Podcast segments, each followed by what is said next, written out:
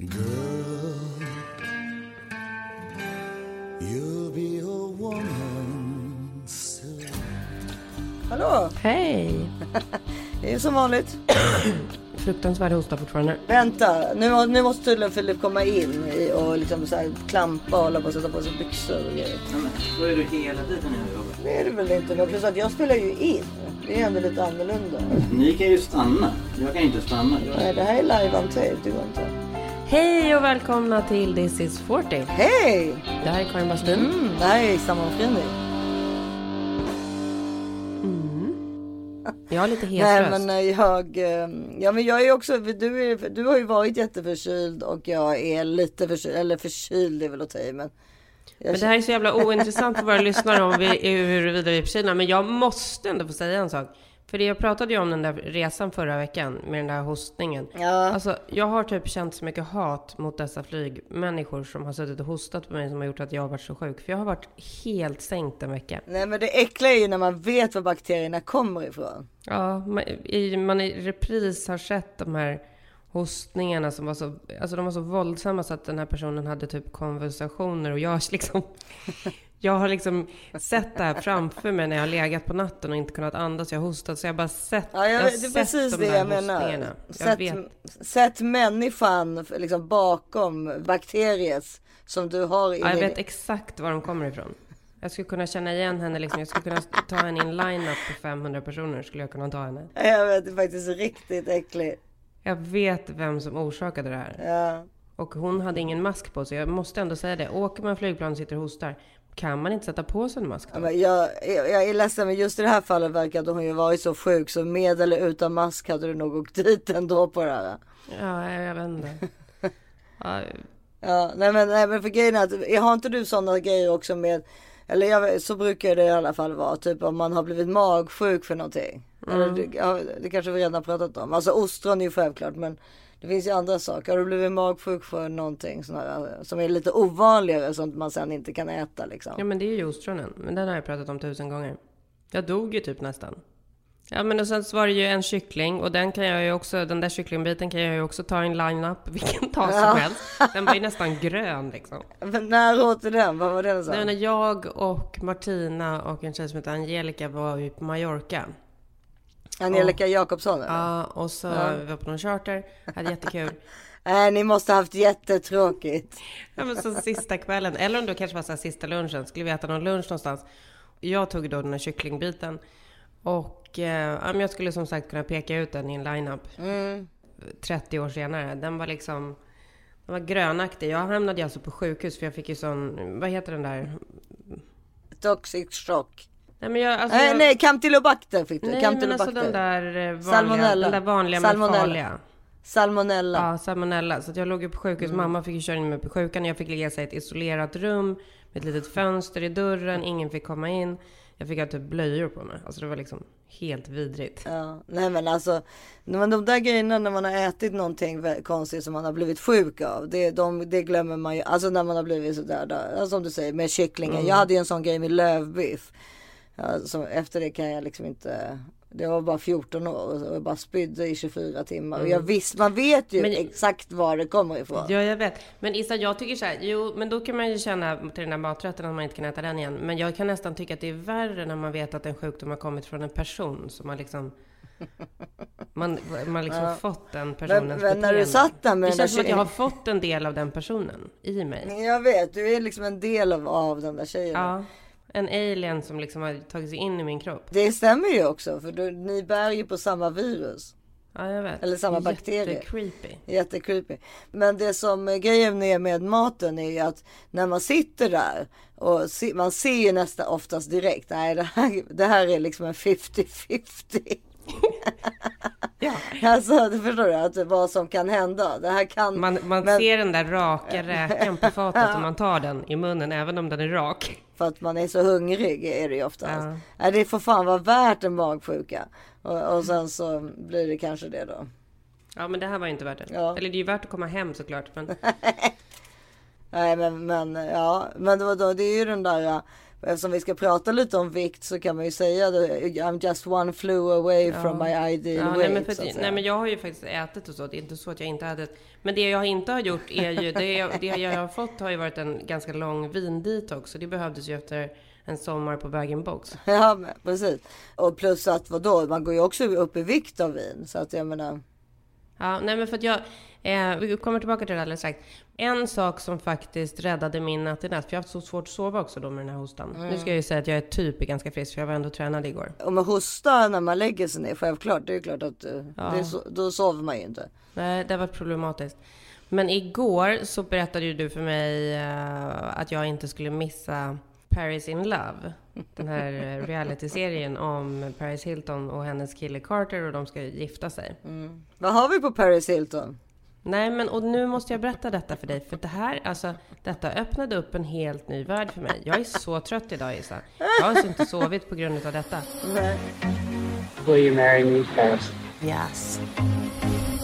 Hey, bitches, look who's getting married. Congratulations. Thank you. We're so excited. I'm so happy. I still haven't seen the ring. Let me see it. För det som hände var ju då, jag var jätteglad över att jag fick höra liksom om en ny reality som jag hade missat, som ändå liksom skulle kännas kul. För jag, jag, jag, jag känner så här, jag älskar ju Real Housewives och Beverly Hills, jag gillar Kardashian och sådär. Men jag har ju inte gillat de där andra husfruarna och inte de där Girls Trip och de där grejerna.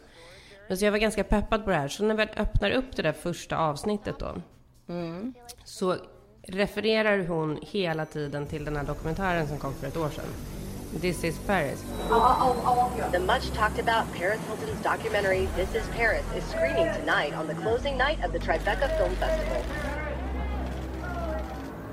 After just opening up in so many ways and being vulnerable and real for the first time, I just feel like all of those walls just came crashing down. And it was the first time in my life that I was really ready for true love. Ja, precis. Som vi har Men pratat om i har podden. vi pratat om den?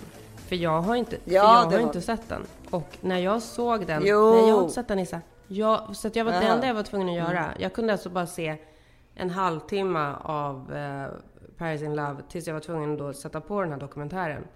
Jag grät.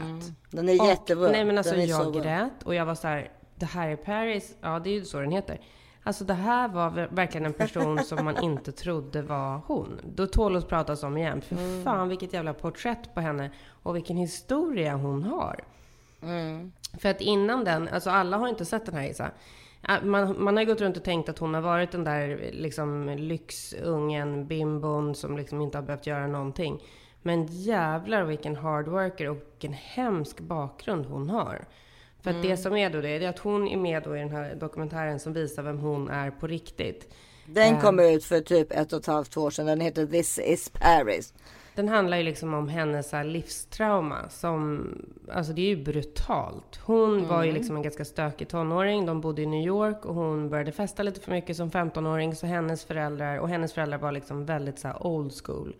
Och ville inte att hon skulle gå på dejter eller ville inte att hon skulle ha smink, ville inte att hon skulle göra någonting. Så de började sätta in henne på olika så här boarding schools för otämjda tonåringar typ. Alltså det var, det var så gräsligt och så här sättet som hon blev dittagen på. Att hon blir, Kidnappad. hon blir Framför sina kidnappad föräldrar. i mitten av natten hemma hos sina föräldrar. Hon är alltså 15 eller 16 år gammal. Hon ser dem i ögonen. Ja, vaknar på natten av att två stora män kommer och hämtar henne i hennes säng och hon bara skriker och gråter och föräldrarna säger ingenting. Alltså, jag ryser Issa. Det traumat som det måste liksom föra med sig. Så lägger vi in ett klipp här på den. I thought I was being kidnapped.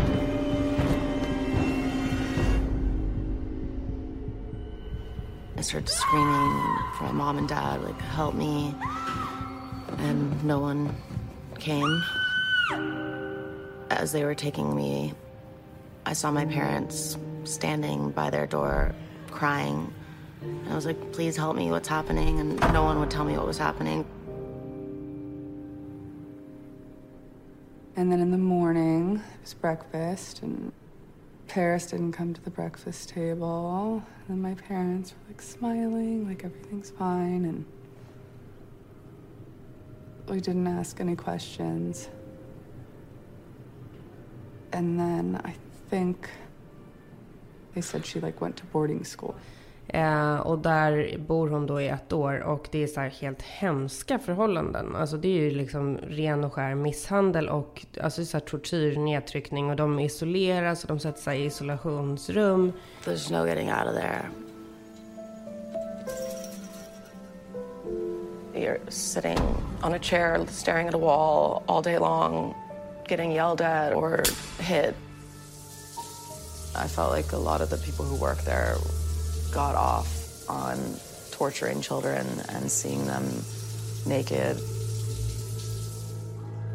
They would prescribe everyone all these pills. I didn't know what they were giving me.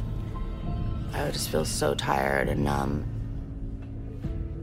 Some people in that place were just gone. Like the lights are on, no one's home. A lot of people were on suicide watch.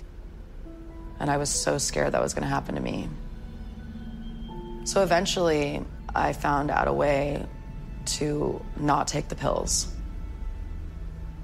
But everyone would tell on everyone, and they found a Kleenex with all of the pills in it.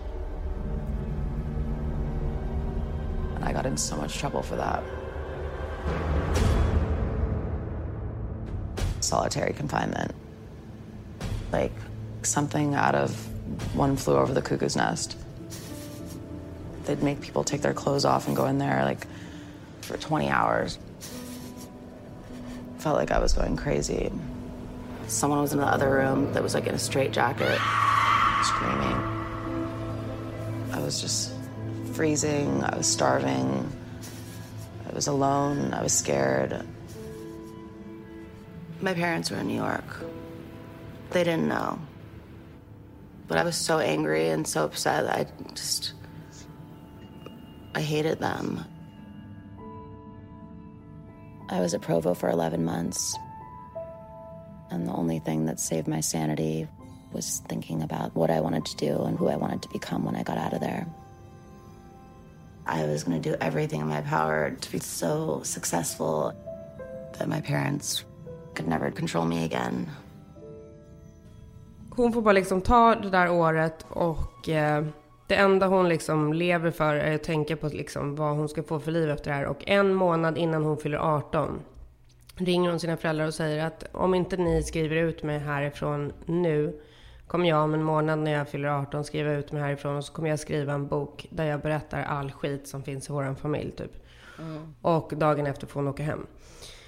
Och sen så har väl hon så här en skittrasslig relation till sina föräldrar upp i vuxen ålder. Nu verkar den ju vara väldigt bra och hennes mamma verkar inte heller riktigt ha förstått på riktigt vad som pågick. Nej men det är ju det som kommer. För jag förmodar att du inte har hunnit se hela Paris in Love då. Nej, så jag var ju tvungen att se det här. Det här tog ju två och en halv timme. Ja. Och sen var ju klockan 12 på natten. Då fick jag ju börja om på Paris in Love.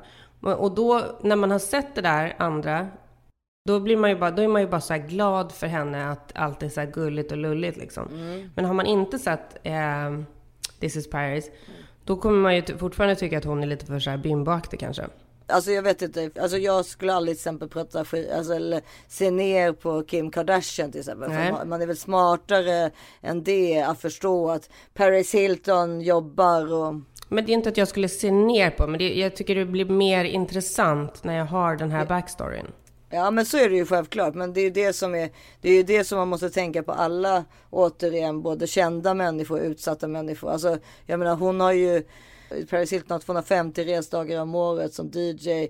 Och det, så hon jobbar ju jätte, jätte, jättemycket. Men och så har hon ju haft det här jättestora traumat som ingen, ja som då kom ut då för ett och ett halvt år sedan. Innan dess hade hon ju inte sagt det till någon. Nej, det är helt Eh, Exakt sjukt. vad som hade hänt. Exakt. Eh, och, eh, och det har ju så här, och det har ju gjort att hon har vaknat upp och liksom börjat ta tag med så här terapi och så. Mm. Och det som händer med Paris in Love blir ju då för när hon träffar den här Carter som kommer från liksom inte all, alls lika eh, liksom rika förhållanden som henne men som har ändå gjort en jättekarriär och har massa stålar. Och, eh, och det är ju inte hon van vid heller. För hennes killar brukar vara sådana som lever på henne och sen inte går till något jobb. Och så, Ja, de har ju varit ganska vidriga. Den här killen är liksom ganska upptagen liksom. Mm. Ja, och det som de har liksom försökt med själva realityn är att man först liksom tänker så här, ah gulligull. Och sen, eh, sen går man ner i liksom en sån här, åh vad han är jobbig för att eh, alla, han, de, här, de kallar honom för Groomzilla. Och det enda han vill är att gifta sig. Och det känns liksom nästan som om han utnyttjar henne ungefär. Det är Mm. så här de har klippt det liksom. Mm, Och sen kommer det sista avsnittet så blir det bara li- leads it up till att liksom alla börjar älska honom och allting blir toppen och det är sådär liksom. Åh, är- gud! Då, då måste jag se klart det här idag. Fan vad underbart. Nej men det är faktiskt, och plus att då dessutom Kathy då, alltså Mamma. Kathy Hilton, Paris mamma, också då går med på att se den här dokumentären. De åker till Washington för så legislation, för att få, få vissa regler för uh, internatskolor Mm. och så vidare. Så att eh, hon jobbar ju väldigt mycket med, eh, med sånt, uh, Paris nu för tiden. Att hjälpa andra survivors liksom. Ja, men hjälpa ung, unga kids liksom. Som har hamnat i Mm. sådana, de här sortens skolor som är oftast liksom skolor för, ja, alltså ungdomar som hamnar snett med vars föräldrar har pengar liksom att eh, skicka dem dit och de blir liksom, så det är ju en mångmiljon eller, alltså de tjänar ju pengar de här skolorna. Mm. Alltså så det är klart att det finns jättemycket bra vanliga internatskolor, men de här som hon hamnade på verkar ju vara värsta tortyrskolorna. Fruktansvärda. Det, är så, det blir i alla fall även, ni får ju titta på den här, Par- Paris in Love går på Simor. Jag vet inte var I, I am Paris går någonstans, den här dokumentären. Men, men vi, Den det, jag tycker verkligen, jag håller med dig där. Jag vill verkligen slå ett stort slag för det här och se båda de två eh, sakerna. För jag tycker verkligen att det var, ja, det, det tog hand om min natt alltså. Ja. Jag var tvungen att gå upp mitt i natten och så kolla om Henrik var vaken för jag kände att jag måste prata om det här. Han älskar ju Paris Hilton också. Ja, exakt.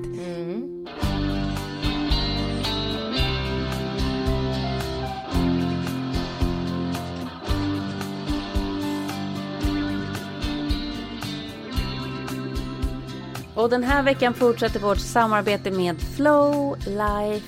Älskar Flow Life. Har du hört att nu under sommaren så har Flowlife ett erbjudande för din älskling Flow Pillow Heat? Nej men vet, har du hört? Det är väl klart att jag vet det. Jag har redan beställt. Jag är liksom, jag, gud. Vad ju är då? fler, Det ju fler jag kan ha desto bättre liksom. Ja, ja, för då snor ju inte Henrik den hela tiden. Nu Nej men alltså- och det här börjar typ bli som så här dålig fall idag. Kommer du ihåg jag berättade för dig när jag och min kompis Lisa solade solarium när vi var liksom tonåringar. Att vi brukade lägga oss på varandras soltid. Så att så här, när den ena låg liksom i helsolariet så kunde man stoppa in sina fötter eller huvudet. på den andras tid. Nu börjar jag liksom samla på mig en, liksom en arsenal med Flowlife-produkter så jag kan ha någon liten produkt som masserar var som helst på kroppen. Ja, ja, ja, det är som min Nivea. De ligger liksom överallt Mm. i hela huset. Oh, men, men, bra. men det som, eh, alltså det som är, är då erbjudandet som vi inte kom till, det är Mm. alltså Alltså att man får, det är ett paketpris för två stycken Mm. Flow Pillow Heat. Och det är det som är grejen att om du har en, då måste man ha två. För att Det är det man behöver om Ja. man lever med en annan person i alla Ja. fall, eller flera andra personer, för det blir liksom bråk om den där. Om det bara är en. Ja, plus att man kan faktiskt ge den också i present till någon ju. Det är ju världens bästa present. Ja, Så att, eh, alltså, Det är att ge kärlek. Alltså att ge en Flowlife produkt, vilken som helst, i 50-årspresent till någon till exempel. Underbart. Herregud. Alla som är över 40 behöver ju Mm. Flowlife i sitt liv. Så är det bara. Flowlife vill trita oss alla lite extra nu under sommaren och har därför grymma sommardeals på olika produkter och kampanjpris på flowlife.com. Och dessutom ger våran kod då thisis40 10% extra på redan nedsatta varor och 20% på sånt som är på ordinarie pris. Och som vanligt gäller 100 dagars nöjd kundgaranti. Så man får lov att lära känna sin produkt i lugn och ro. Så gå in på flowlife.com nu. Missa inte.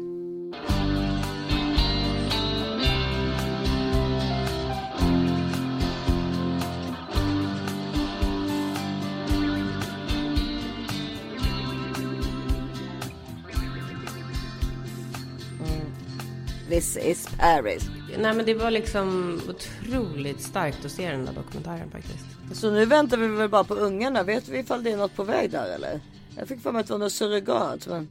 Ja, nej jag har ingen aning. Men Nej. ehm, Jag gillar henne. Gud vad man gillar henne. Hon är liksom så här the original influencer och var ju liksom typ den första som tog selfies och...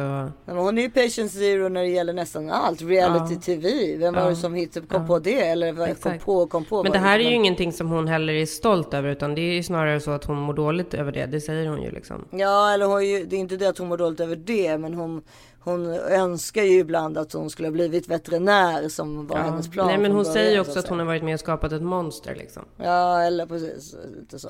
Men jag tycker ändå att det, det, och det blir väl liksom summan av kardemumman av att hon har hittat den här någorlunda normala mannen som inte är uppväxt i Hollywood och sådär. Men alltså man stör sig på honom också. Men det är ju därför det blir kul liksom.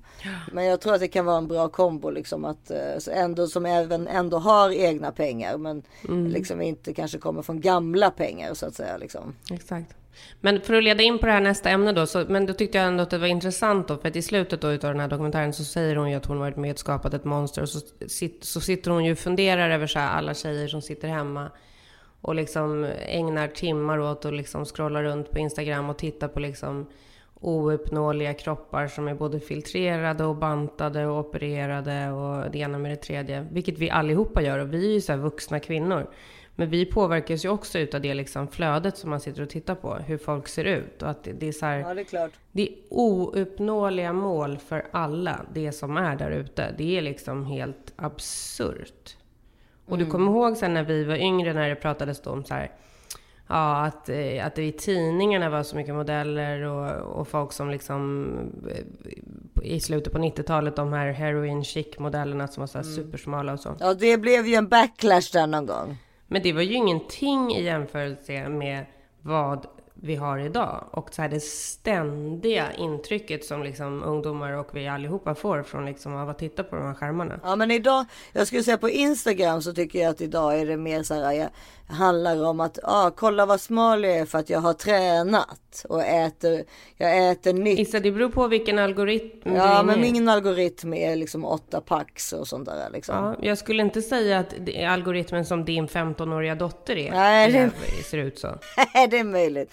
Nej det är möjligt. Men nej det håller jag med om i och för sig. Och det är väl bra med träning. Men det kan ju fortfarande ge en liksom så här. Jag tror att alla vi liksom. Alltså undrar hur många procent av typ kvinnosläktet som bär på liksom någon sorts liten ätstörning. Och då Mm. menar jag inte att ätstörning till att man. Jag till exempel har ju aldrig spytt. Nej. Jag har aldrig hetsätit. Men jag är ju definitivt ätstörd. Ändå. Mm. Men, alltså så här, jag har ingen, tror jag, av mina tjejkompisar som inte är det. Jag har, har två stycken. Möjligtvis min syrra kanske. Men resten har ju liksom olika eh, beteenden. Och så här, Från stora till små liksom. Det är ju det. Ja, och, så här, och ens eget beteende, eller då om jag pratar om mitt eget beteende, då är det så här, jo men jag äter och så här, men jag tänker ju hela tiden på att så här, jaha, ja, okej, nu efter den här sommaren, nu måste jag åka hem och börja ta tag i och äta nyttigare och äta lite bättre. Och sen så har man väl hittat en så ganska bra balans om man jämför med hur det var när man var yngre. För när jag var yngre var jag ju verkligen ätstörd. Men inte så att jag var, alltså jag skulle inte säga att jag var sjuk, men det var ändå så här, var ett planerat ätbeteende hela tiden. Och man hade ju perioder då man hetsade åt liksom. Ja, plus att du har väl också haft perioder då du spydde lite, eller? Ja, absolut. Ja. Och det tror jag de, många kvinnor har haft, eller tjejer har haft under Ja. sin pubertet eller vad man nu ska kalla det för. Det är nog så vanligt så att det liksom inte ens, alltså det anses ju inte ens vara en, alltså det är bara någonting som tjejer gör här och där ibland. Ja, men det är det jag menar, det är det som är så sjukt. För Ja. det är ju liksom en del i vårat DNA. Och nu när jag, jag tänkte, jag har verkligen tänkt på det så här extra mycket nu när man har en dotter. Fast jag har tänkt på det med killarna också. Att man måste vara så sjukt försiktig med så barnen, hur man beter sig. För det är ju också så här, om jag till exempel, jag har ju verkligen så här perioder när jag bara sitter och käkar sallader och alla andra äter typ vanlig mat. Ja. På, I veckodagar. Men sen i Men helgerna... det är ju för att ni väldigt ofta, ni kör ju väldigt ofta take away också. Ni lagar ju inte, eh, alltså förutom på helger. Jo, men jag lagar ju mat på vardagar så. Men då är det så här pannkakor och sånt. Och jag kanske inte känner för att käka pannkakor liksom. Fan ja. Nej, men eller typ... Eh, Eller, eller rättare sagt jävligt gott men omöjligt att äta varje dag. nej, men det är inte varje dag det är pannkakor. Men det är liksom... Jag gör ju ett medvetet matval. Väldigt ofta liksom. Ja, precis. Men ni har ju mer i er familj kulturen att ni lagar mycket mat på helgen när Henrik har tid. Och vardagar så blir det liksom någonting lite annorlunda ju. Nej men det stämmer inte för jag lagar mat. Jag lagar ju liksom kyckling och jag lagar ju liksom köttfärssås och de där grejerna. Nej men det kanske gjorde, men det kanske är take-out så här två dagar i veckan. Men skitsamma, det är inte det som är grejen utan det är så här. Men jag, jag, jag, kör, jag kör ju alltid väldigt mycket mer grönsaker och sallad och det gör jag ju både för att jag tycker att det är gott och för att jag tycker att det är liksom bra att köra den nyttiga vägen. Jo men, men kan det inte bli också of- ofta när man är i sådana där perioder då man säger nu måste jag skärpa mig så. Då kan det ju nästan bli en backlash åt andra hållet ju. Alltså om man tänker på det ännu mer så blir man typ hungrig hela tiden. Jo, men det är det ju. Men, då, men jag är Ja. ju alltid hungrig. jag också. Alltid hungrig. Och det är inte för att jag äter för lite, för jag äter ju typ var tredje timme. Jag förstår inte hur folk liksom, jag fattar faktiskt Nej. inte. Men det är ju, men jag brukar också tänka på, då ibland så kan jag också tänka på så här, om jag på riktigt hade kört så här, ja ja, let it go helt och hållet då. Okej, jag kör typ en så här, jag kör en donut varje dag, jag kör liksom en hamburgare och pommes frites till middag. Men alltså då hade jag ju varit jättetjock. Nej men alltså verkligen. Och jag Alltså, vill inte vara det det. Så att det är klart att jag Nej, håller på att kontrollera det. det- är klart jag kontrollerar mitt För ätande. det, är ju, för det är ju det som är grejen också. Men det är ju det man, det undrar man ju lite över också. Var går Jag tror gränsen? Jag tror att man måste, vi måste ringa, fråga Maja om det här. Ja, Ja men det måste vi, för vi har ju en läsarfråga Ja, också. Men jag, men jag måste också säga så här. ja. Ja, ja. det har vi absolut. Så, så du hade en plan på varför vi pratar om det här? Vi, vi ringer Maja som är våran KBT-terapeut, Mm. våran bästa kompis och är helt fantastisk i sådana här sammanhang. Och just nu jobbar hon ju just med ätstörningar. Ja, För jag exakt. skulle vara intresserad av att veta liksom vart gränsen går. Typ så från, Det är det jag också är Ja, intresserad hur? av. Vad är farligt och vad är liksom ofarligt och hur ska man förhålla sig till det är, vet man om man liksom är på gränsen till farligt ätstörd eller inte? Ja. Ja. Vi ringer Maja, våran expert.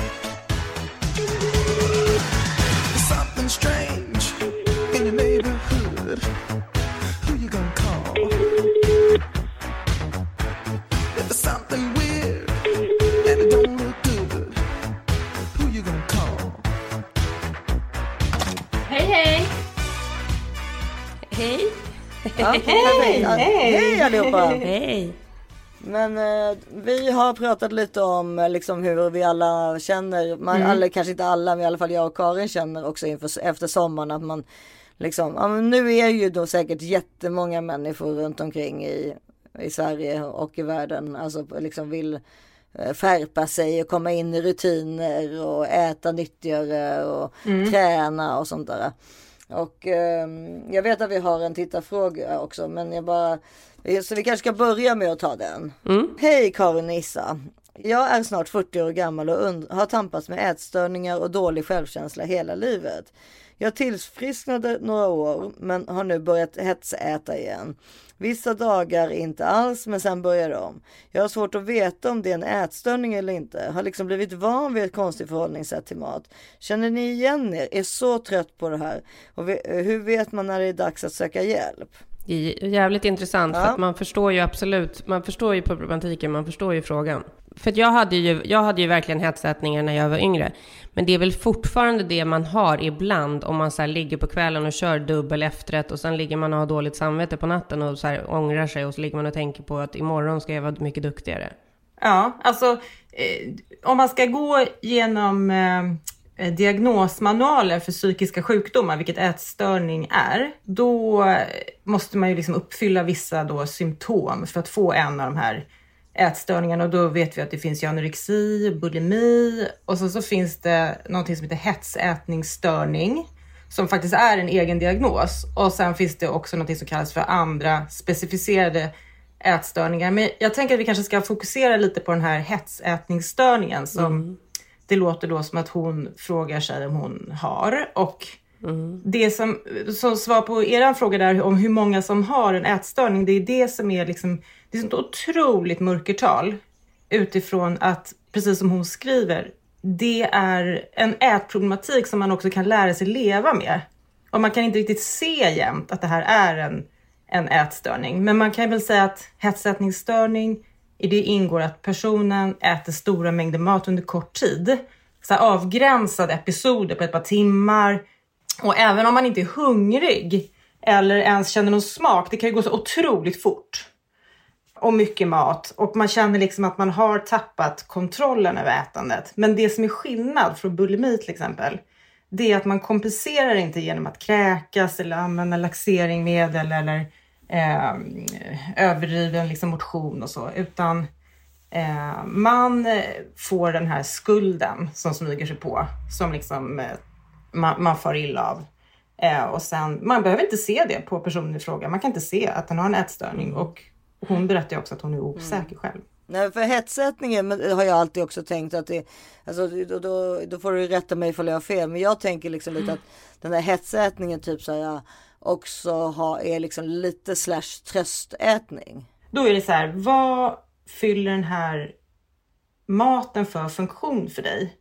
Alltså du har på något sätt så bemästrar du ett, ett lidande genom just maten. Och vad, vad är det för lidande? Var kommer det ifrån? Eh, dämpar du lidandet med hjälp av maten? Eh, dämpar du lidandet för att du ska bli lugn? Känna mindre känslor kring det här? Eh, så att det är ju verkligen så att det finns ju eh, en funktion som liksom upprätthåller såklart eh, det här problematiska ätandet. Jo men vet inte, men i mitt huvud så är det så att eh, alltså, matmissbruk är ju precis som vilket annat missbruk som helst. Ja, Alltså, Man säger ofta att matmissbruk är just ett missbruk eller att ett problematiskt sätt att äta är ett missbruk. Allmänheten gör det, men om man är i, i Europa så är det liksom de har bestämt att nej, en ätstörning är inte ett missbruk. Mat kvalificerar sig liksom inte som en, som liksom en substans som skapar ett beroende. Men du har rätt i att de har jättemycket beröringspunkter, det här med att man flyr från, från just ett lidande eller från känslor, nuet och man upplever liksom en stigma och det är svårt att sluta med ren vilja och sådär. Mm. För att om jag då liksom ligger och kollar på film på kvällen och vi kör efterrätt och jag kör, tar två omgångar och sen får dåligt samvete över det. Det är inte så att jag har legat där och lidit när jag tittat på en film utan det är ju för att jag tycker det är så sjukt gott med den där kladdkakan och grädden. Ja. Som gör att jag måste ha två omgångar. Ja, precis. Och det är ju någonting annat såklart. Men det är fortfarande ett dåligt samvete där jag sen ligger och tänker att nu imorgon måste jag bli bättre.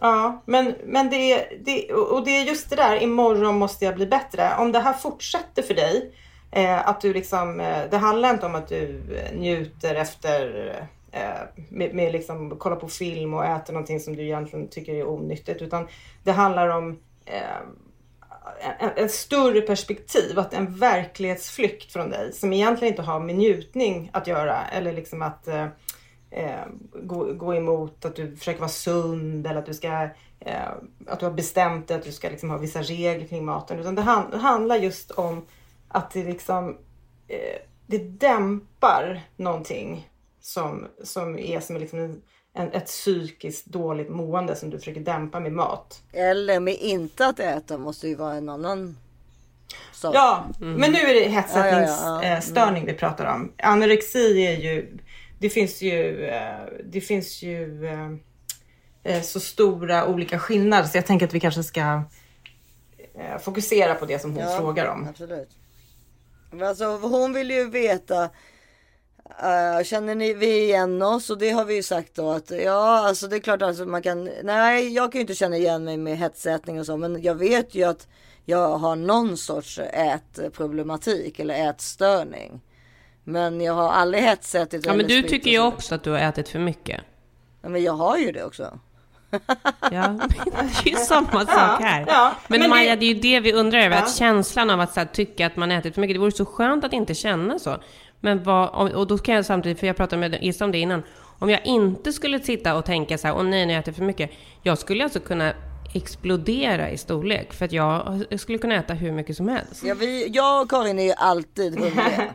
Nej, men, men ni får ju också fråga lite så här, vad är era måttstock? Liksom, vad är det utifrån eh, någon, eh, alltså någon kulturell eh, bild av skönhet som ni vill eh, återskapa? Eller? Bara få på sig jeansen skulle vara kul. Ja, jag skulle också det. Alltså så här, att, att slippa känna att kläder blir trånga vartefter liksom. Ja, men för att liksom klassas som en ätstörning så ska det vara liksom att eh, det här har, alltså ungefär som ett eh, destruktivt förhållande. Ja, men du reglerar hur mycket du äter, mer eller mindre. Och så, så känner du dig stolt, du får feedback av andra kanske.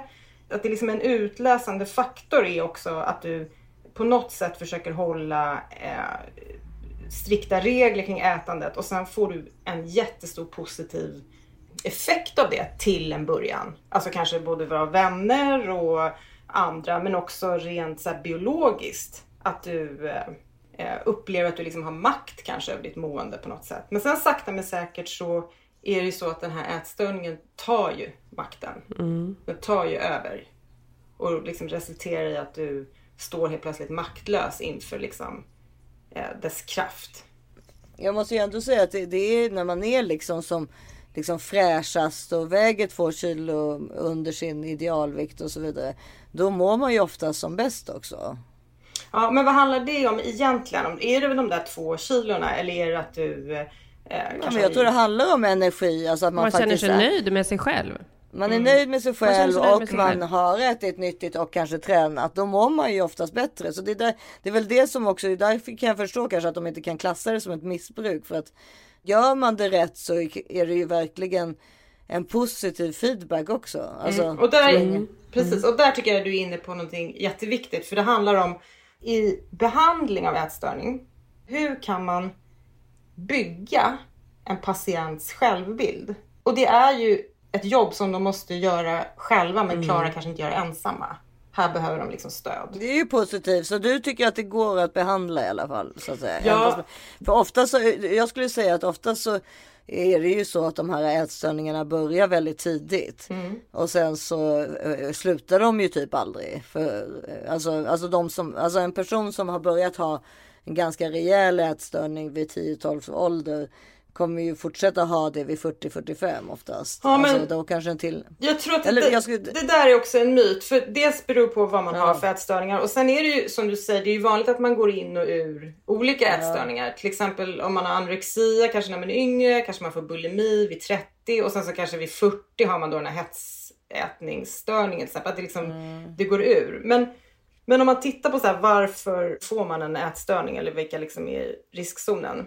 Då ty- tycker jag att det är så intressant att göra ett nedstamp i vad vi lever här och nu, 2022. För på fem, du, när Freud var eh, aktuell, då var ju liksom, jag vet, man bara okej. då var ju ät... Aktuell. Jag vet, jag vet, han så aktuell. Så jävla genomslagskraft. Nej men då var ju ätstörning sett på som något så sexuellt såklart. Du vet att man inte ville befruktas genom munnen och därför skulle man inte äta och sådär. Sen 70-talet då var det liksom, då fick mammorna eh, bära hundhuvud. De fick liksom stå liksom som att så här, "Ja, men du, du, du kommer från en, din, din mamma har inte lyckats med sitt jobb. Och det blev ju såklart till följd att, att, att ha ett barn med ätstörning blev en otrolig stigma liksom. Är det inte det fortfarande på något sätt? Jo, det är det. Men idag så är det så otroligt tydligt att man, det är liksom multifaktoriell orsaksförklaring. Låter jättesvårt, men det betyder att det är liksom ett samspel mellan genetik, psykologiska eh, orsaker. Alltså är det någonting som har hänt dig? Eh, har... Fast de psykologiska orsakerna om du är sju år och överviktig är ju väl att mamma och pappa säger till dig för mycket att du ska sluta äta eller? Ja, det, alltså om man går ner på så detaljnivå så finns det ju såklart eh, alltså i familjesystem någonting som påverkar barnet och, och, och har man ett barn med en ätstörning då blir ju systemet otroligt belastat. Men det, det viktiga är liksom att det här, det är inte föräldrarna eller någon annan som ska liksom stå som eh, förklaringsmodell utan det är liksom ett samspel då mellan genetik, psykologiska orsaker och ja, den här kulturen till exempel. Någonting kanske har hänt, ett trauma som man försöker bemästra. Ja men för jag, precis, för det är det jag tänker också att det är så att familjen själv, alltså, även fast det är så här, ja nej mamman eller pappan ska inte säga till barnet till exempel. Men sen kan ju då själva kulturen i familjen göra så att barnet som inte ens hade ätstörning innan får det. Alltså är det inte egentligen så det alltid börjar eller? Hur börjar en ätstörning? Det är väl ifrån att, Mm. Alltså jag, jag vet ju bara med mig själv att jag, jag tror anledningen till att jag är hungrig hela tiden var ju att jag inte fick äta när så mycket Jo. när jag var liten. Ja, alltså, jag... Men jag fick äta hur mycket som helst Lisa, och fick ändå ätstörning. Ja, jo, precis. Det, det, är det. det finns ju alla varianter såklart. Ja, det blev laddat och det blev ett stigma och du fick liksom känna... Men jag, tror att, det- jag tror att det handlar sjukt mycket om ens självkritik, som, du- som du har sagt tidigare. Att det är så här, man hittar liksom Mm. ett fel på sig själv. Ja. Mm. Och för det blir ju som att eh, ha en positiv självbild. Det blir på något sätt nästan som ett vaccin mot psykisk ohälsa. Och ätstörningen är ju en typ av psykiatrisk diagnos. Och, Bianca Ingrosso till exempel har ju pratat mycket om sin både hetsätning och bulimi.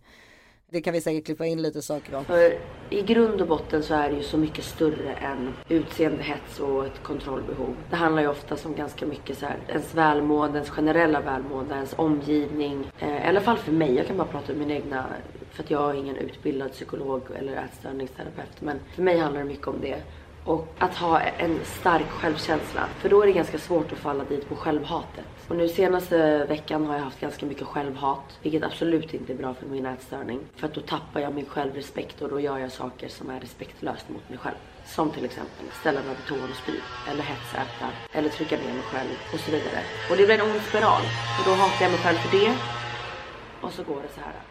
Jag tänker att vi pratar om det här lite mer sen. Eh, För, för då, då tänker jag liksom i hennes fall verkar det ju vara, för man tänker ju själv, jag tänker som inte gör detta att någonstans så måste det också vara som en, alltså att det blir som en självkärlek Mm. av att man kan ha den kontrollen. Mm. Att klara, alltså typ eh, spy efter man har ätit och så. En ko- Då blir det som att ja. ha kontroll över sitt egna liv eller man ska säga. Sin- en kortvarig Lisa för själen är det ju, absolut. För hon, precis, men hon, hon, man har ju förstått via henne, att det är, eller via henne och många andra såklart, men att det är precis som du säger att det är inte det. För egentligen så blir det bara ett själväckel liksom. Mm. Och det, Att man inte kan vara som alla ja, andra. och det ska man ju verkligen ha, ha med sig att det, det här handlar inte om att vilja eller inte vilja bli frisk. Utan det är ju superstarka mekanismer liksom i, i belöningssystemet. Ja, ja, ja, ja, men det. Men det finns ju, Mm. jag vill ändå verkligen skicka med det, att de flesta blir friska. Och, eh, Med eh, terapi och så. Ja. Också ha liksom i åtanke att ja, maten är ju en jätte en jätteviktig del uppenbarligen i en ätstörning, men det är ju så mycket mer än så. Det är så mycket eh, runt liksom själva måendet och vidmakthållande Ja, men precis. funktioner som man liksom behöver angripa. Men det är sjukt intressant att prata om och jag tror så här. Jag går ju inte runt och oroar mig för mig själv, men däremot så tänker man ju mycket nu när man är så här mamma till stora barn att man är så här. Det vore ju en mardröm om de fick ätstörningar liksom. Mm. Men eh, de, de flesta blir friska ändå och det finns bra hjälp. Så det är viktigt att ha liksom ögon och öron öppna. Mm, verkligen. Och, söka, och, och verkligen söka hjälp. Och det finns en jättebra organisation som heter Mm. Frisk och Fri som eh, man kan vända sig till både som liksom drabbad och som familjemedlem Mm. eller nära anhörig som är toppen. Jättebra tips Maja. Nu måste vi runda av. här. vi hörs snart. Ja, puss och kram. Tack snälla för din medverkan den här veckan igen. Vi känner oss alltid lika, li- lite, lite smartare efter du har varit med. Ja. Okej, vi hörs snart. Puss, puss. Hej, hej. Hej. Hej. If you call? An invisible man sleeping in your bed. Oh, who you gonna call? Ja. Nej men Maja är bra att prata om med om sådana där för hon kan ju liksom riktiga saker. Vi hittar ju bara på. Mm. Så att vi får väl hoppas att det kommer fram. Att våra underbara lyssnare som hade skickat den här frågan blev lite klokare i alla fall. Mm. Ja, men också här, alla som sitter där ute med små, mindre eller större problem och ätstörningar och annat. Ni är inte ensamma. Liksom. Ja precis. Men det är ju intressant faktiskt. Jag vet inte ens om det är okej att ta upp, ta upp det i samma program. Men det var ju en stor debatt här häromdagen.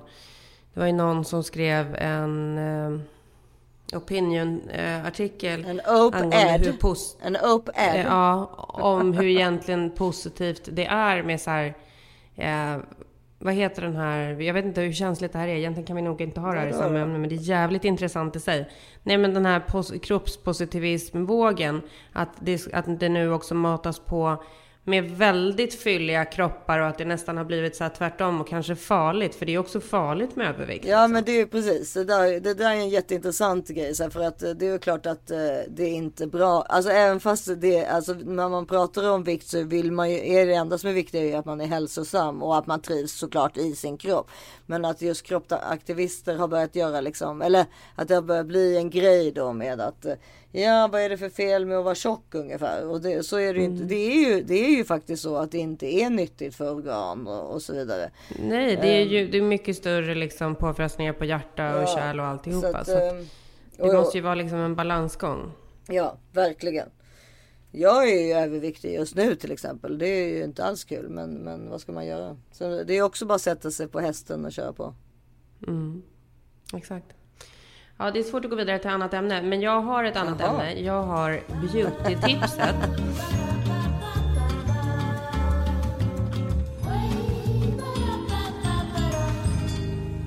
Jag vet inte om du har sett det på mig, men jag har nytt smink idag. Nej, det har jag inte sett. Får man vara så ytlig? Ja, ja, man går från fetma till smink bara. Det... Ja, nej, men det här är en kul grej som jag och Ellie har kommit på. Jaha.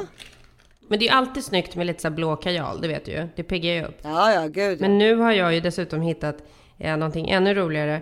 Ver, ver, så när man är trött så piggar det verkligen upp. Jag vet inte om du kan se det nu på Facetime. Men lite så här blå ögonskugga. Så har jag hittat den perfekta nyansen. Jag hittade innan jag åkte från Sverige på Kicks. Och den kommer från NYX, NYX. Eh, Mm. Och den heter Blue Jeans. Och den gör alltid... Ja, men det ser nästan ut lite så som man har kommit upp ur ett bad precis. Den är så lite glossy och blå. Och gör att man ser Oh, lite... Jag älskar glossy. så det är lite glansigt. Exakt, Liksom, och man ser lite så här Mm. pigg och ung och fräsch ut. Åh, oh, grattis. Ja. Give it to me. Får jag se? Har du den där eller? NYX Blue Jeans. Ja, gud vad snygg. Ooh. Det är mitt ögonskugge. Kommer du inte ihåg att jag hade, hade inte jag blå ögonskugga på mig på julafton hos er? Ja, det kanske du hade. Ja, jag jag får det. älskar det, det är så kul. Ja, det är kul. Det är mitt tips denna vecka. Mm, bra, bra tips. Du, nu är det ju dags att avrunda här. Jag har ett helt tonårsgäng, sju eh, 15-åringar som har haft sleepover som vill ha pannkakor. Oj då. Mm. Ja, här ska vi, får vi se. Fullt hus alltså. Ja, det är fullt hus. Det är det här också. Det är alla möjliga barn som springer och fram och tillbaka hela tiden. Men eh, ja, vi får gå vidare och eh, det var eh, kul att snacka med dig hörru. Verkligen. Längtar efter dig. Jag längtar efter dig. Puss puss. Vi ses. Just det, och så fr- framförallt titta på I'm Paris, alltså dokumentären. Och This is Paris. This is, this is Paris och sen Paris in Love. Jag skulle faktiskt, jag skulle säga så här, börja med att titta på This is Paris och sen eh, titta på Paris in Love. Precis, precis. The, fir- the world first influencer. Patient Mm. zero. Och tänk också på att eh, alltså Kim Kardashian hade inte varit där hon var idag om det inte vore för Paris. Hon var ju liksom, hon var ju Paris assistent. Ja men och det här kommer även i Paris in Love när Chris kommer på någon sån här förlovningsgrej. För de umgås ju jättemycket hela den här. Och då så säger någon så här, säger Paris så här, thank you for being here. Och då säger Chris tillbaka så här, well we wouldn't have been here if it wasn't for you. Nej.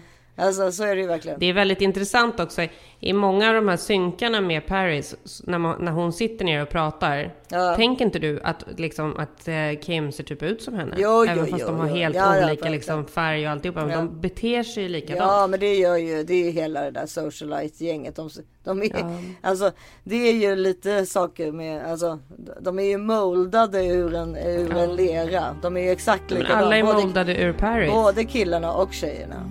Men alla är moldade ur Ja, Paris. så kan man säga. Alla är Paris Hilton. Och Kim Kardashian. För man får väl ge Kim lite. Men det är klart, Kim har ju tagit ifrån Paris såklart.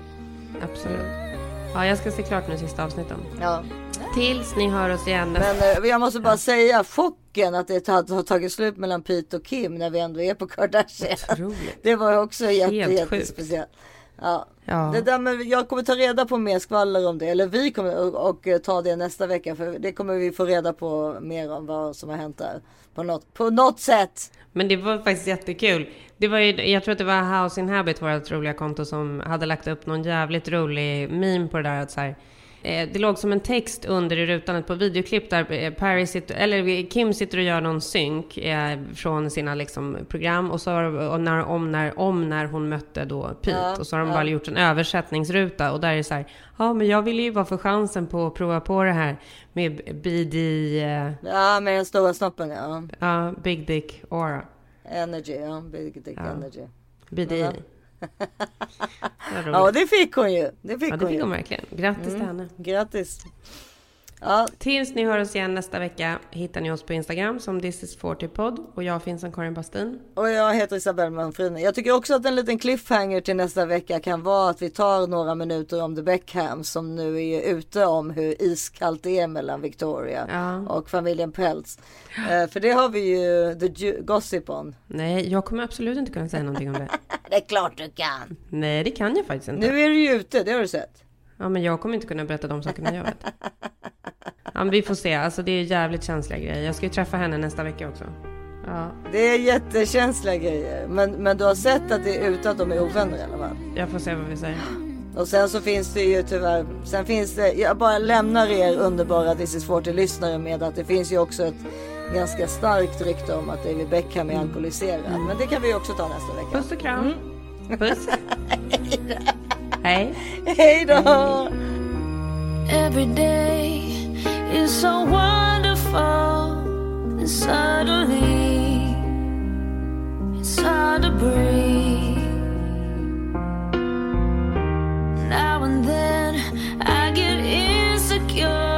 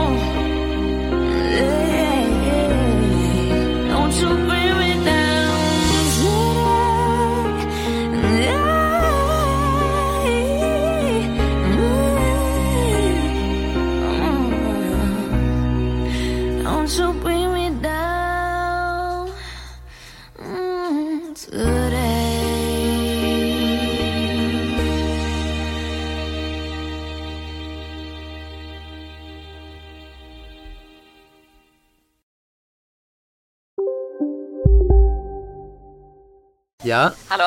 Pizzeria Grandiosa? Jag vill ha en Grandiosa capriciosa och en pepperoni. haha, något mer? Med kaffefilter. Ja, Okej, ses samma. Grandiosa, hela Sveriges hempizza.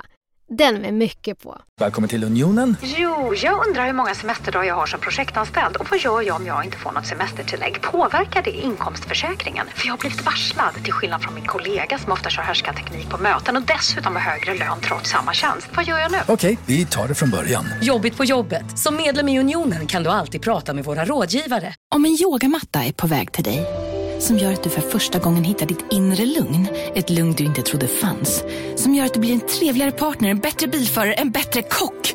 Du blir befordrad på jobbet men tackar nej, för att du inte längre drivs av prestation utan vill göra saker som känns meningsfulla i livet. Och, ja, eller ja, då finns det flera smarta sätt att beställa hem din yogamatta på.